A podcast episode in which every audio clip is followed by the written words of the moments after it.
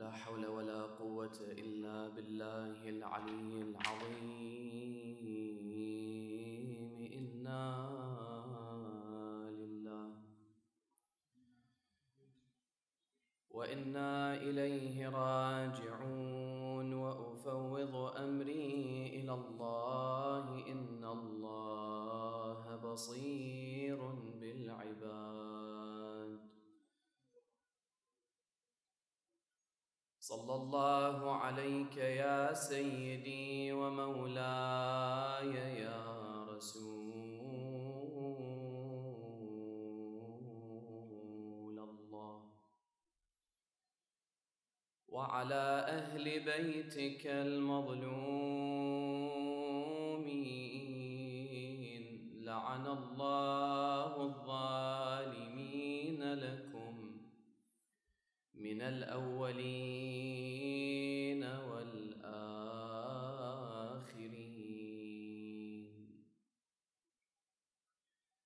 صلى الله عليك يا مولاي وابن مولاي.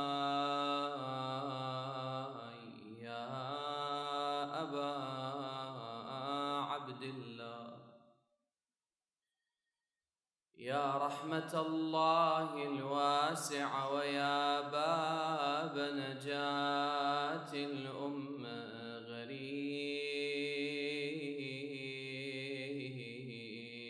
يا مظلوم كربلاء.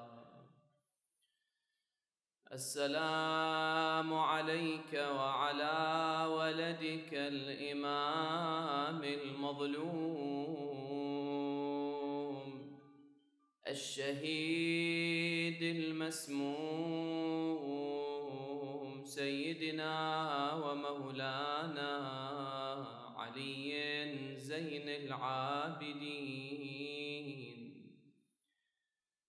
ما خاب من تمسك بكم وامنا من لجأ والتجأ اليكم يا ليتنا كنا معكم سادتي فنفوز فوزا عظيما.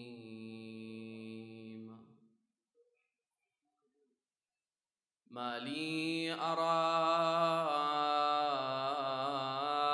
ودمع عينك جامد أوما سمعت بمحنة السجاد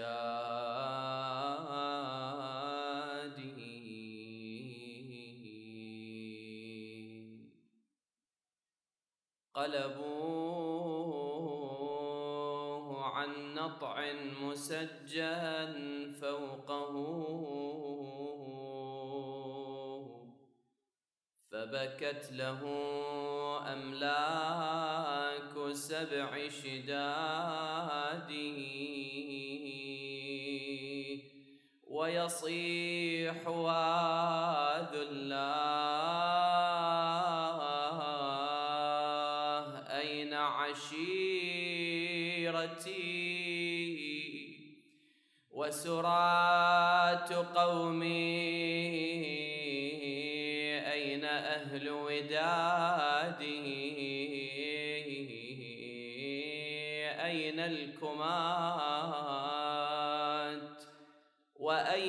جدي حيدر مولاي يا أمير المؤمنين.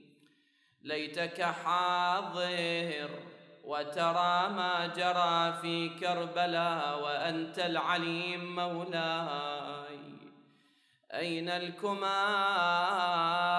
وأين جدي حيدر مرد القروم وصارع الآساد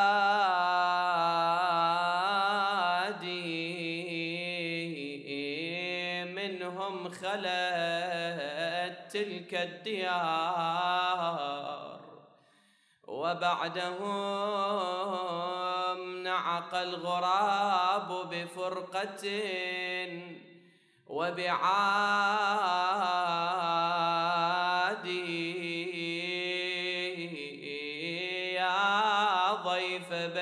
الجود أقفر ربعه. فاشدد رحالك واحتفي بالزاد.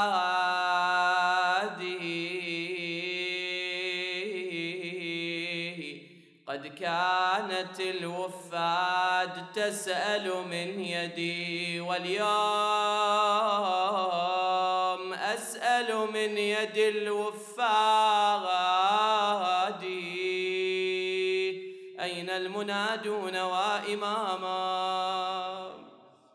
كانت جميع الناس توجب طاعتي. واليوم طوعي في يد الأصفاد أقاد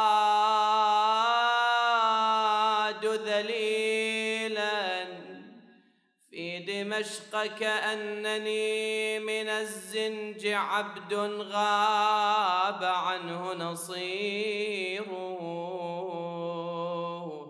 وجدي رسول الله في كل مشهد وشيخي أمير المؤمنين وزير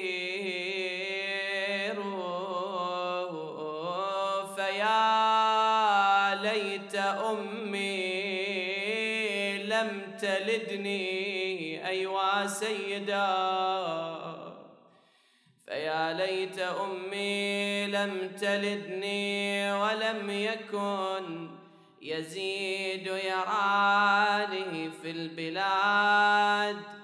أسير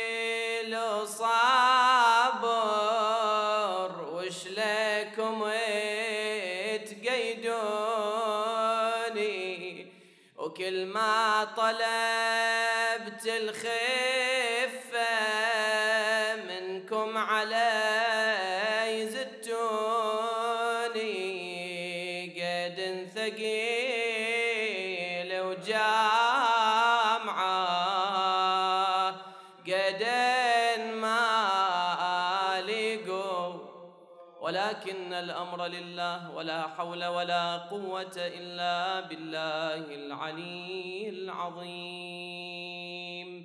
لتعجيل فرج مولانا صاحب العصر والزمان ارفعوا أصواتكم بذكر محمد وآل محمد.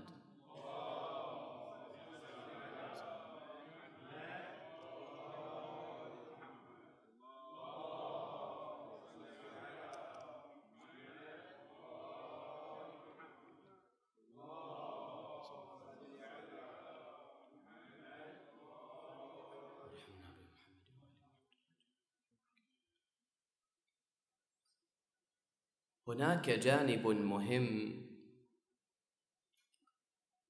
في سيرة أهل البيت صلوات الله عليهم أجمعين. وأخذ مقدارا ليس بالقليل من الروايات الواردة فيهم عليهم السلام. وهو الجانب الغيبي الإعجازي في حياتهم المباركة. فتجد كل إمام من الأئمة المعصومين عليهم السلام. هناك باب ذكر في سيرته يختص بالأمور الخارقة للعادة بالأمور العجيبة معالي شؤونه صلوات الله عليه المعاجز التي جرت على يديه غرائب شؤونه عليه السلام. كل إمام من الأئمة. فتعداد الروايات كثير عشرات بل أكثر من مئات من الروايات التي وردت في هذا الجانب وفي هذا الصدد. وفي الآونة الأخيرة ما أقول صار هناك نوع من الإنكار لا إن شاء الله مو إلى هذه الدرجة. ولكن بشكل عام صار تطرح بعض التساؤلات المصحوبة بشيء من الاستغراب فيما يرتبط بهذا الجانب من الروايات الواردة في حق أهل البيت سلام الله عليهم. ونريد أن نستعرض بعض الشواهد من هذا النوع من الروايات في حياة الإمام السجاد صلوات الله عليه. ولكن قبل ذلك وحتى نحل هذه الإشكالية وهذا النوع من التساؤلات الذي قد يطرح لا بد من بيان أمور ثلاثة. الأمر الأول أن الدين يتميز بوجود جنبة فيه لا توجد في أي علم آخر ولا توجد في أي شيء آخر وهي جنبة الإيمان بالغيب. هذا أمر أساسي في الدين. المؤمن إذا أراد أن يكون متدينا متبعا لدين الإسلام لا بد أن يؤمن بجانب الغيب. جانب الغيب هذا الأمر الذي لا تدركه حواس الإنسان. وربما لا يمكن تصوره ولكن أمر له شواهد أمر له مصاديق أما حقيقته ما هي لا نعلم. لذلك ورد في القرآن الكريم في صفات المؤمنين الذين يؤمنون بالغيب الإيمان بالغيب هو أمر مهم مهم مهم في حياة المؤمن المتدين. وبالتالي الخلل الذي يقع حينما ينظر إلى مثل هذه الروايات والكرامات والجوانب الإعجازية بنظرة مادية فيحاول أن تحلل تحليلا ماديا علميا طبيعيا فيزيائيا مثلا وغير ذلك. حينها يخفق الإنسان يدخل في متاهات قد لا يجد حلا لها. ونظائر هذا كثير. جنبة المادة وجنبة التمسك بالأشياء المحسوسة يطغى علينا بشكل عام. لهذا تجد أن هناك محاولة لتوجيه كثير من الأمور المرتبطة بالدين. وكلكم سامعين لماذا الله تبارك وتعالى أمرنا بالسجود؟ لماذا الله عز وجل ركز على قضية السجود كما بينت في الروايات وأنها من أقرب الأماكن إلى الله تبارك وتعالى أو المواضع؟ التي يكون فيها المؤمن قريبا من الله. قال لك إي نعم. لأن السجود له فائدة صحية للإنسان أن الإنسان إذا سجد تفرغت الشحنات السلبية وما إلى ذلك. من الذي قال؟ مو معلوم هذا الكلام صحيح. لأن الدين ثابت لا يتغير بكل بساطة والعلم متغير. تجي نظرية الآن تنسفها نظرية أخرى بعد سنة وتنسفها نظرية ثالثة بعد خمس سنوات وتنسفها نظرية أخرى بعد عشر سنوات وهكذا.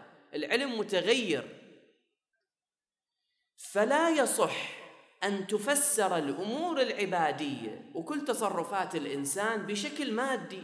حينئذ لا يبقى معنى للعبادة لا يبقى معنى لإيمان المؤمن. والغيب أمر ضروري أساسي في حياته. لكن تعال شوف الروايات ماذا ذكرت. ذكرت في فضل السجود كما قلنا أن المؤمن يكون في أقرب نقطة قربا معنويا من الله تبارك وتعالى. ولهذا ورد عندنا استحباب أنه بين السجدتين يستغفر الإنسان في صلاته. لما يرفع رأسه من السجدة الأولى يقول أستغفر الله ربي وأتوب إليه. لماذا؟ لأنه انتقل من مرحلة أعلى في القرب من الله إلى مرحلة أدون. فكان الأمر مستحقا للاستغفار. هكذا بين أهل البيت صلوات الله عليهم هذا المقدار.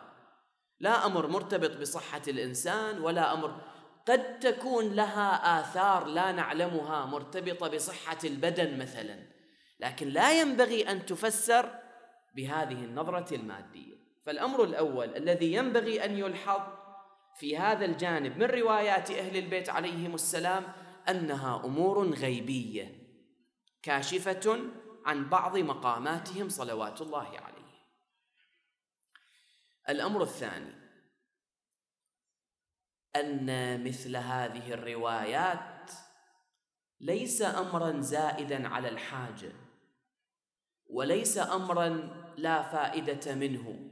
إن أراد الإنسان أن يطلع عليه يطلع وإن أراد يمسك لا. بل هو أمر مهم وفي صميم العقيدة وفي صميم الدين. فالإمام الرضا صلوات الله وسلامه عليه يسأل يسأله سائل بأي شيء تصح الإمامة لمدعيها؟ فيجيب الإمام الرضا سلام الله عليه يقول بالنص والدليل. فيسأله سائل فما دلالة الإمامة فيجيبه الإمام عليه السلام بالعلم واستجابة الدعوة. استجابة الدعوة اللي ينتج عنها أمور خارقة للعادة. العلم هذا العلم اللدني الإفاضي غير العادي الذي ينتج عنه أمور خارقة للعادة بالتالي الإمام كونه يشغل منصبا وهو منصب الحجية هذا المنصب الذي يكون فيه قائدا أعلى للمسلمين الناس كلهم يؤمنون به شخصا منصبا من الله عز وجل. فلا بد من دلالة عليه فمن لم يحصل على النص بقيت له الدلالة. بقي له الأمر المعجز العلم استجابة الدعوة من الأمور التي تدلل على إمامته. الأمر تماما هو هو بالنسبة للأنبياء. حاجة الأنبياء أو ما ظهر على أيديهم أو حاجة الناس لما ظهر على أيدي الأنبياء من كرامات ومعاجز هي ذاتها الحاجة لظهور هذه الكرامات والمعاجز. على أيدي المعصومين صلوات الله عليهم أجمعين. من هنا أنتقل إلى الأمر الثالث والأخير قبل أن أقف على بعض الشواهد من حياة زين العابدين سلام الله عليه أن القرآن الكريم وعترة أهل البيت صلوات الله عليهم السنة النبوية الشريفة بينت لنا أنه في المقامات العالية دائما هناك تلازم لا ينفك بين العلم وبين القدرة. فتجد مثلا في القرآن الكريم بسم الله الرحمن الرحيم قال الذي عنده علم من الكتاب أنا آتيك به قبل أن يرتد إليك طرفك. القرآن يذكر قضية آصف بن برخيا مع نبي الله سليمان على نبينا وآله وعليه أفضل الصلاة والسلام. أراد أن يحضر عرش بلقيس يقطع تلك المسافة الطويلة. منو مستعد؟ واحد من الجن؟ قال أنا آتيك به قبل أن تقوم من مقامك. نص نهار. هذا الرجل الإنسي آصف بن برخيا قال له أنا آتيك به قبل أن يرتد إليك طرفك. قبل رمشة عين. العرش تشوفه حاضر عندك. القرآن يقول أن هذه القدرة هذا الأمر الإعجازي غير الطبيعي. هذا التصرف في الكون طي الأرض. هذا كيف حصل؟ حصل بسبب وجود علم عند آصف بن برخية. قال الذي عنده علم من الكتاب. هذا العلم الذي عند آصف علم من الكتاب نتج عنه ولازمه قدرة مختلفة. علم متميز علم راق لازمه قدرة راقية متميزة إعجازية. لا تصح للبشر العادي أو لا تقع للبشر العادي. فإذا هناك تلازم بين العلم وبين القدرة. كذلك القرآن يخبرنا عن نبي الله سليمان علمنا منطق الطير. الله تبارك وتعالى علم سليمان كيفية مخاطبة مختلف الكائنات الحية. هذا العلم نتج عنه قدرة فعلية حقيقية موظفة على أرض الواقع في أنه يتمكن من مخاطبة كل المخلوقات حتى غير العاقلة منها المدركة غير العاقلة منها من الطيور وغيرها من الحيوانات الأخرى كان قادرا على مخاطبتها كما في نص القرآن الكريم كما تحدث مع الهدهد مع النملة وغير ذلك. فإذا هناك ملازمة دائما بين العلم وبين القدرة. إذا جئنا إلى إلى علم أهل البيت صلوات الله عليهم أجمعين ما هو مقدار علمهم حتى نعلم حتى نعلم بمقدار علمهم ما هي القدرة التي أعطاها الله تبارك وتعالى لهم الإمام الهادي صلوات الله عليه يقول إن آصف بن برخيا كان عنده حرف واحد من الاسم الأعظم. هذا الاسم المكون من 73 حرف. آصف كان عنده حرف واحد. بهذا الحرف أحضر عرش بلقيس بطرفة عين. ثم قال صلوات الله عليه وإن عندنا اثنين وسبعين حرفا من الاسم الأعظم. واستأثر الله تبارك وتعالى بحرف واحد. فإذا كان حرف واحد يسوي هذا العمل العظيم فكيف باثنين وسبعين حرف؟ ما هو ما هي القدرة التي أعطاها الله لأهل البيت عليه السلام؟ موسى والخضر كما في الرواية كان عند البحر. نزل طائر من السماء حط على سطح البحر أخذ بمنقاره شيئا من ماء البحر. هذا الطير قد ممكن ياخذ من ماء البحر؟ نقطة نقطتين ثلاثة. فالتفت الخضر إلى موسى. قال له يا موسى إن علمي وهو الخضر اللي القرآن يقول وآتيناه من لدنا علما. قال له إن علمي وعلمك يا موسى اللي هو نبي من أنبياء أولي العزم إن علمي وعلمك في علم محمد وآل محمد كمثل ما أخذ هذا الطائر بمنقاره من ماء البحر.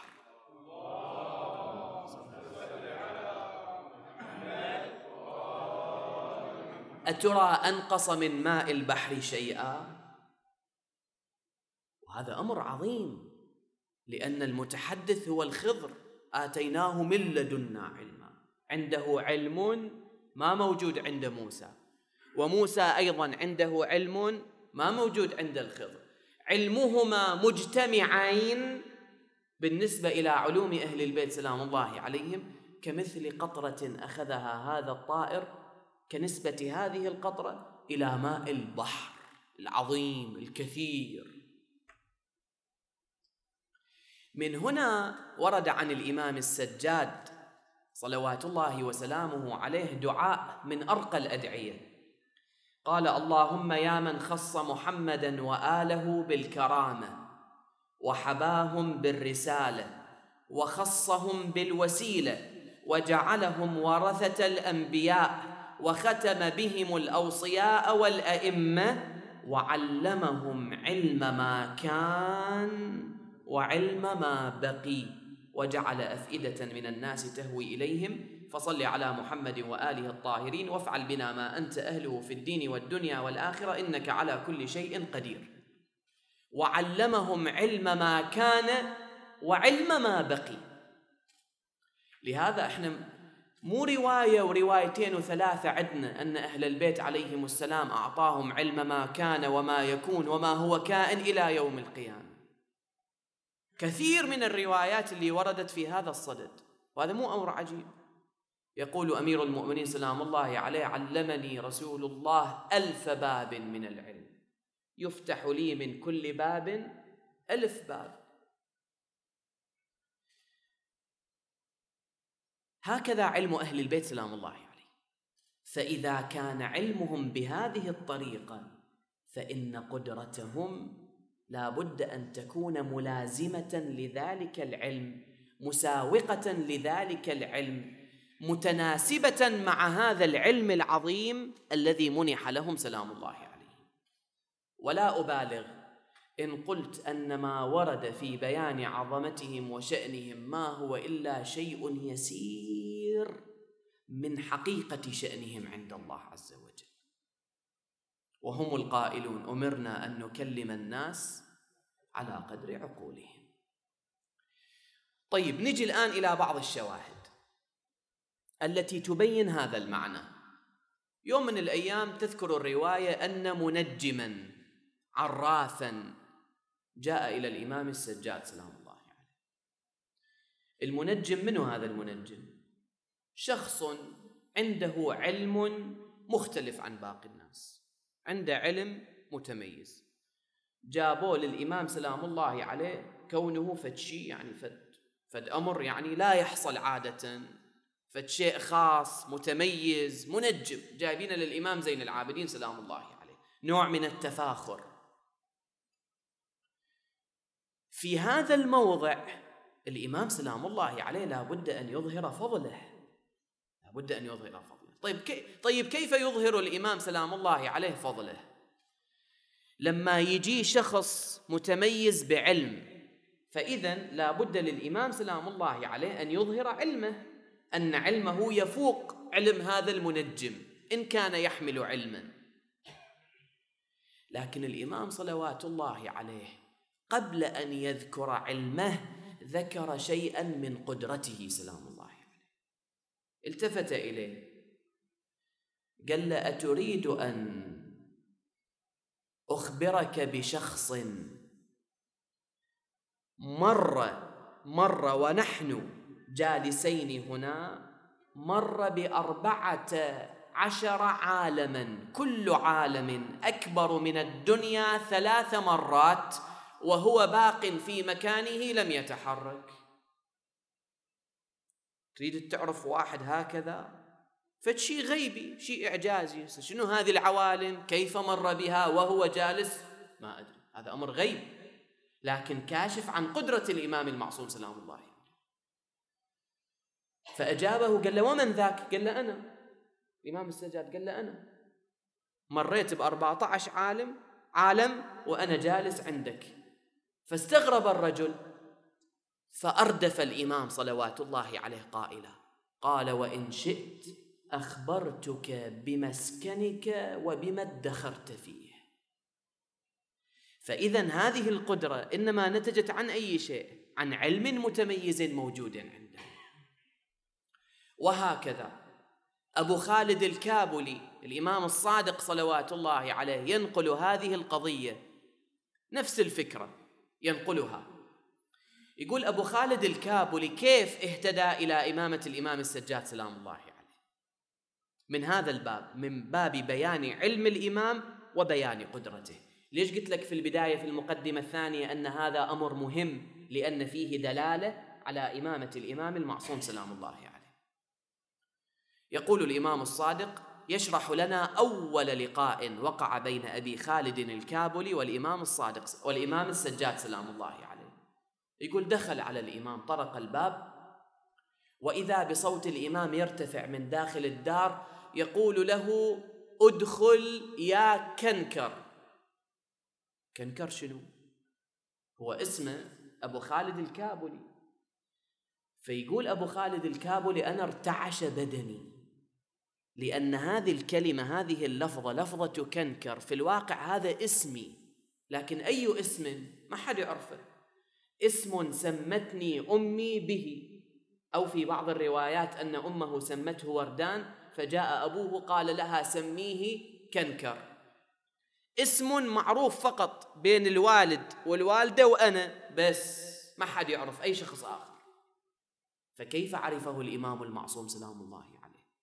هذا إن دل على شيء يدل على وجود علم إعجازي عنده. وهذا العلامة الأولى اللي خلت أبو خالد يؤمن بإمامة الإمام السجاد سلام الله عليه. طيب العلامة الثانية هذا علم خلصنا من عنده بعد باقي القدرة. يقول فجلست عند الإمام سلام الله عليه. فصرنا نتحدث وكذا ثم التفت إلي الإمام السجاد. قال لي يا أبا خالد أتحب أن أريك الجنة التي هي مسكني التي متى ما أحببت دخلت فيها. تحب تشوف؟ قلت له نعم يا ابن رسول الله. يقول فوضع يده على عيني وإذا بي أرى نفسي في جنة جنة جنة أشجار وأنهار كذا. شيء لم تراه عيني لم تره عيني قط. يقول فنظرت إلى ما شاء الله. فوضع الإمام سلام الله عليه أو هو يقول نظرت إلى ما شاء الله ثم نظرت مرة أخرى وإذا بي أجد نفسي أمام الإمام السجاد صلوات الله هذا بيان بقدرة الإمام المعصوم شيء خارق للعادة. يلا هاي الأشياء إذا واحد يريد يحاول يفسرها تفسير مادي خليه يحاول. لكن هذه أمور غيبية. هكذا وردت على لسان المعصومين صلوات الله عليهم. لا تفسر بالشكل المادي بالشكل العلمي البحت العلم التجريبي. وإنما هذه أمور غيبية. منحها الله تبارك وتعالى لعباده المكرمين لأهل البيت صلوات الله عليهم أجمعين. أذكر هذه القضية وأختم. هشام بن عبد الملك ذهب إلى حج بيت الله الحرام.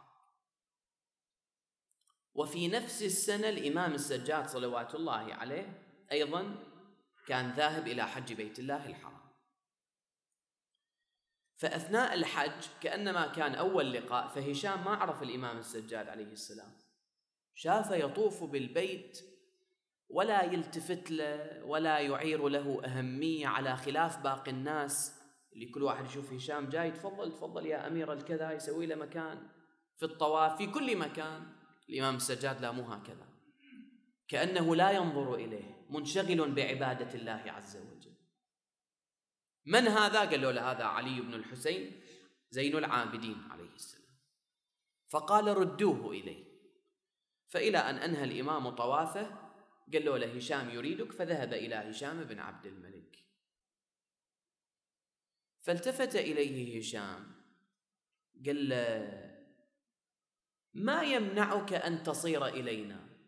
إني لست قاتل أبيك الحسين. ماخذ موقف من عندنا. شنو أنا قتل أنا اللي قتلت أبوك الحسين سلام الله عليه. مو أنا.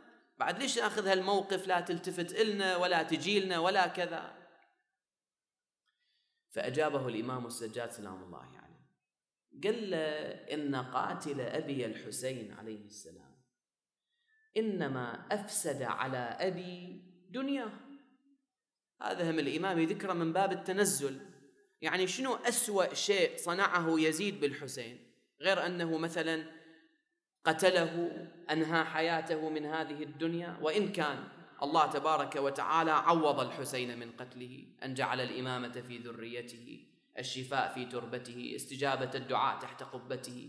لكن الإمام في مقام التنزل إيش سوى يعني؟ غير أفسد على الحسين دنياه وإنه بقتله أبي أفسد على نفسه آخرته. هو إيش حصل بقتل الحسين؟ غير أفسد على نفسه آخرته؟ فإن أردت أن تكون كهو كقاتل الحسين فكن. يلا منو لازمك؟ إذا تريد تتورط بقتل أهل البيت سلام الله عليهم بقتل إمامك تعال اقتل. فتفسد علي دنياي يعني كلام الإمام وتفسد عليك آخرتك. قال له لا يا ابن رسول الله مو هكذا عنينا ولكن تصير إلينا فتصيب شيئا من دنيانا. عندنا أموال عندنا خير عندنا نعيم. تعال اخذ استأنس في هذه الدنيا. يقول الراوي وإذا بالإمام السجاد سلام الله عليه. نزع رداءه فرشه على الأرض. ورفع يده. قال إلهي أره هشام يعني أره حرمة أوليائك عندك. هذا اللي عباله إحنا نحتاج إلى دنياه. خلي يشوف ما هي حرمة زين العابدين عندك يا رب.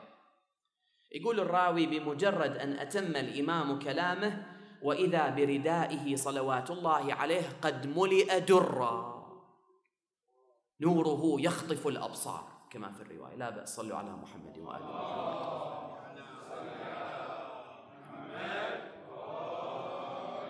ثم التفت إليه قال لمن كان هذه حرمته عند الله عز وجل أبي حاجة إلى دنياك؟ شوف الإمام سلام الله عليه استخدم المعجزة. كان بإمكانه يجاوبه فالجواب نظري أه؟ جواب كلام لا والله ما محتاجين وانتهت القضية. لكن الإمام صلوات الله عليه بين قدرته. هذا الأمر الإعجازي حتى يستوعب حتى الطخ أنه هذا إمام معصوم مو شخص عادي بحاجة إلى البشر. الإمام مستغني عن كل البشر. فلما ملئ درا ساطعا نوره يأخذ بالأبصار دعا الإمام صلوات الله عليه ثانية. قال إلهي خذه فلا حاجة لي به. يقول الراوي لحظة واحدة بعد أن أتم الإمام كلامه وإذا بالرداء خالي ما في شيء. وهذا مو خفة يد ولا شيء من الشعوذة حاشا الإمام لا وإنما هي كعصا موسى التي تحولت إلى كائن حي إلى ثعبان. هكذا. نعم در حقيقي يملأ درا ثم يرفع هذا الدر. كيف؟ أمر غيبي أمر إعجازي. لما ثبت لهم ذلك العلم تثبت لهم هذه القدرة. لذلك الإمام الباقر صلوات الله عليه ورد عنه أنه قال إن الله أقدرنا على ما نريد. ولو شئنا أن نسوق الأرض بأزمتها لسقناها. ما الذي يمنع؟ ماكو مانع لا عقلي ولا شرعي ولا عقائدي. بعد الفراغ من أن من منحهم هذا الأمر هو الله تبارك وتعالى. هذه القدرة مو مستقلة. ليست في عرض قدرة الله وإنما في طولها كما يعبرون.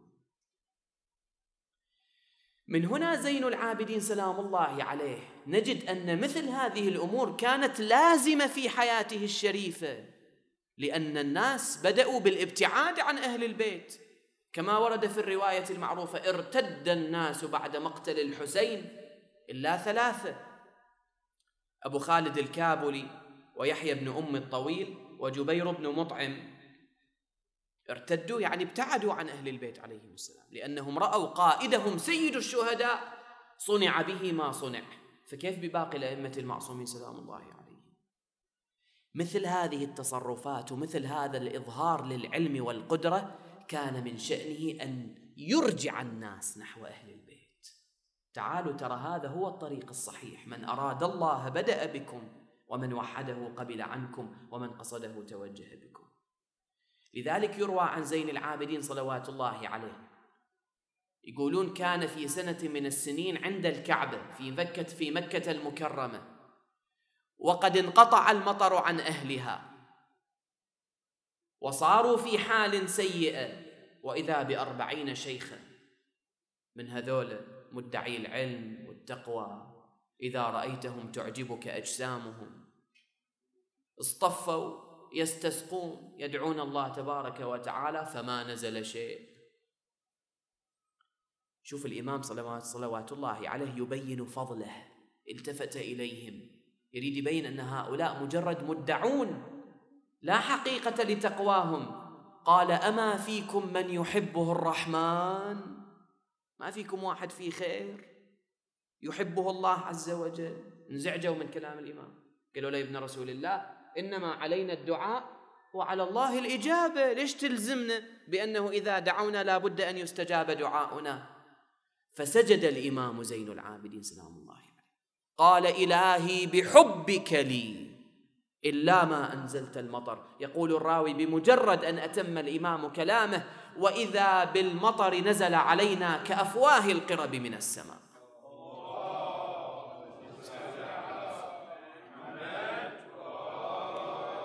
هذه مسؤولية عظيمة تحملها زين العابدين صلوات الله عليه.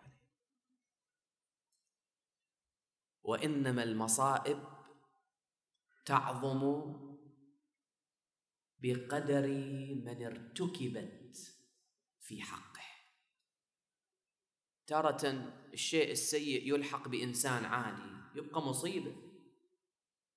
لكن إذا ألحق ألحقت هذه المصائب بخير الخلق على الأرض. لذلك يقول الشاعر أنست رزيتكم رزايانا التي سلفت وهونت الرزايا الآتية كل لمصاب سيد الشهداء صلوات الله وسلامه عليه. ما قيمة مصائبنا أمام ما رآه زين العابدين عليه السلام؟ هذا الإمام العظيم من أبطال كربلاء الذي تلوع في كربلاء. هذه العظمة تخيل أنت. هذه العظمة لزين العابدين صلوات الله عليه. تاليها يقول أقاد ذليلا في دمشق كأنني من الزنج عبد غاب عنه نصير. أنا من أنا وجدي رسول الله في كل مشهد وشيخي أمير المؤمنين. وزير فيا ليت أمي لم تلدني.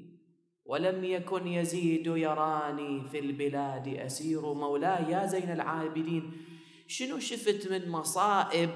بحيث الرواية تقول ما قدم له طعام ولا شراب إلا وخلطه بدموع عينه. شنو شفت مولاي يا زين العابدين؟ ماذا رأيت في كربلاء؟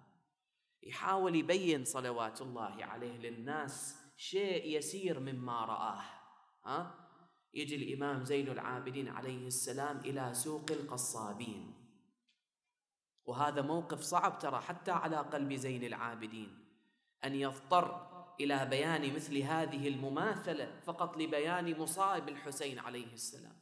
يجي إلى واحد من القصابين وقد استعد لذبح شاة أراد أن يضع السكين على نحرها ها؟ فالتفت إليه زين العابدين قال له يا هذا هل سقيت الشاة ماء قبل ذبحها؟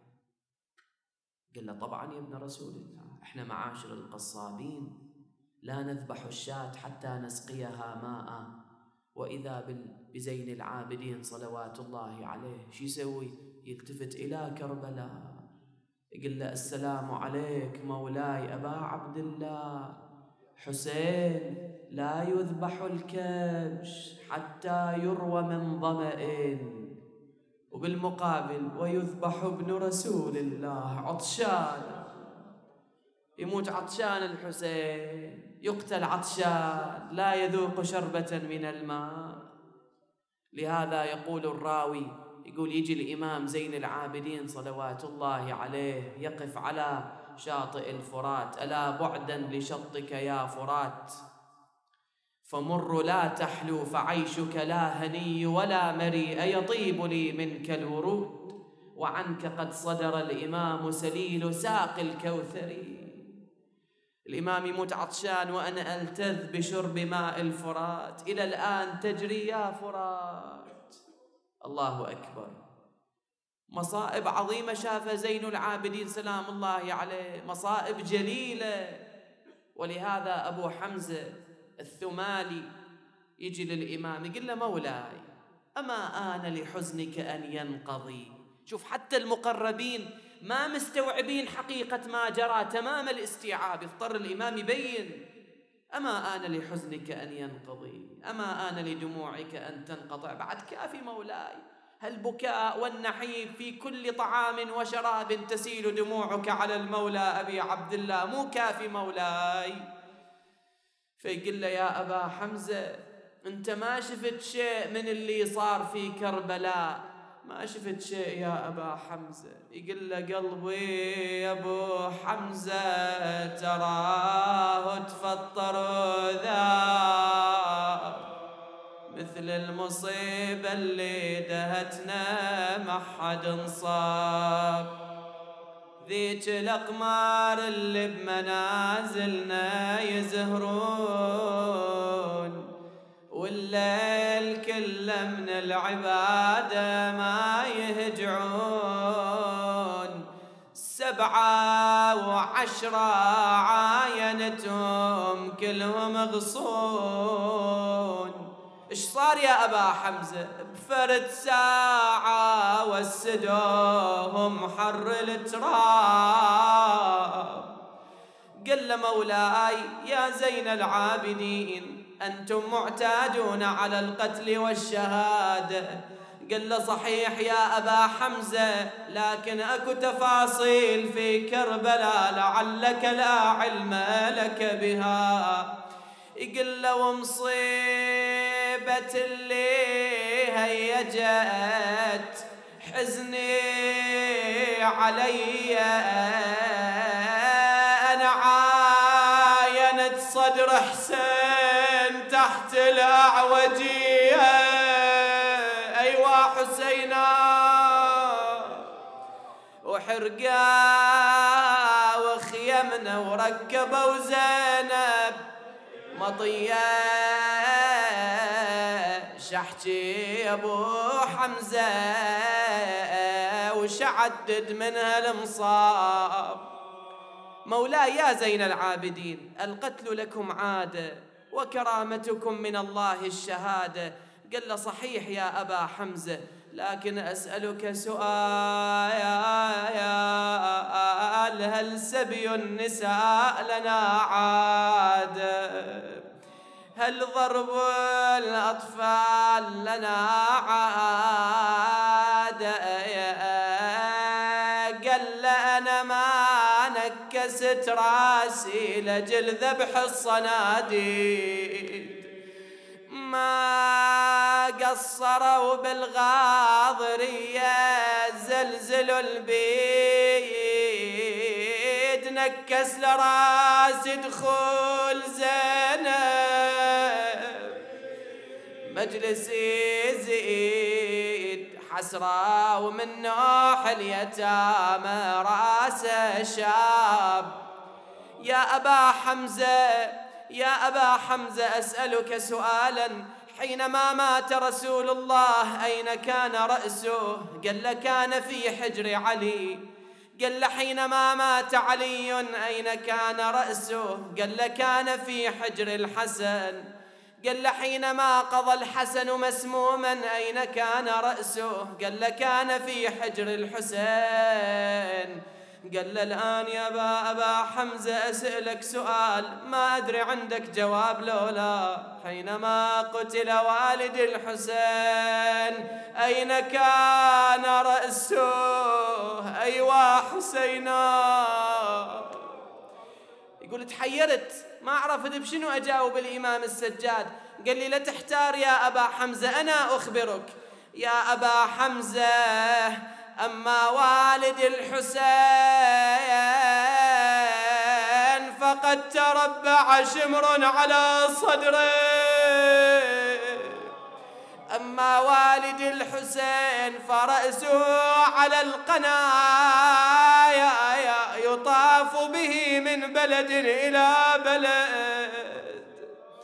لذلك ظل الإمام سلام الله عليه إلى آخر حياته متفجع على مصاب الحسين حتى بعد أن دس إليه السوم وحضرته المنية في مثل هذا اليوم أتمثله على فراش المنية ويلتفت إلى ولده الباقر بني باقر إن كنت باكيا فابك لمصاب جدك الحسين.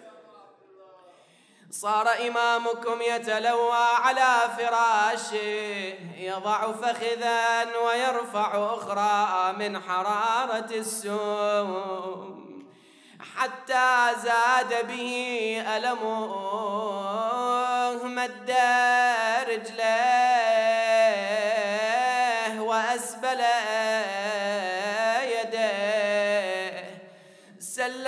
ولده مواريث النبوة والإمامة. قرأ شيئا من القرآن ثم إن إمامكم أغمض عينيه وأطبق فاه وفاضت روح الطاهرة أين المنادون وإماما؟ سيدا. شالوا الإمام سلام الله عليه. قام الإمام الباقر بتجهيزه وتغسيله وتكفينه.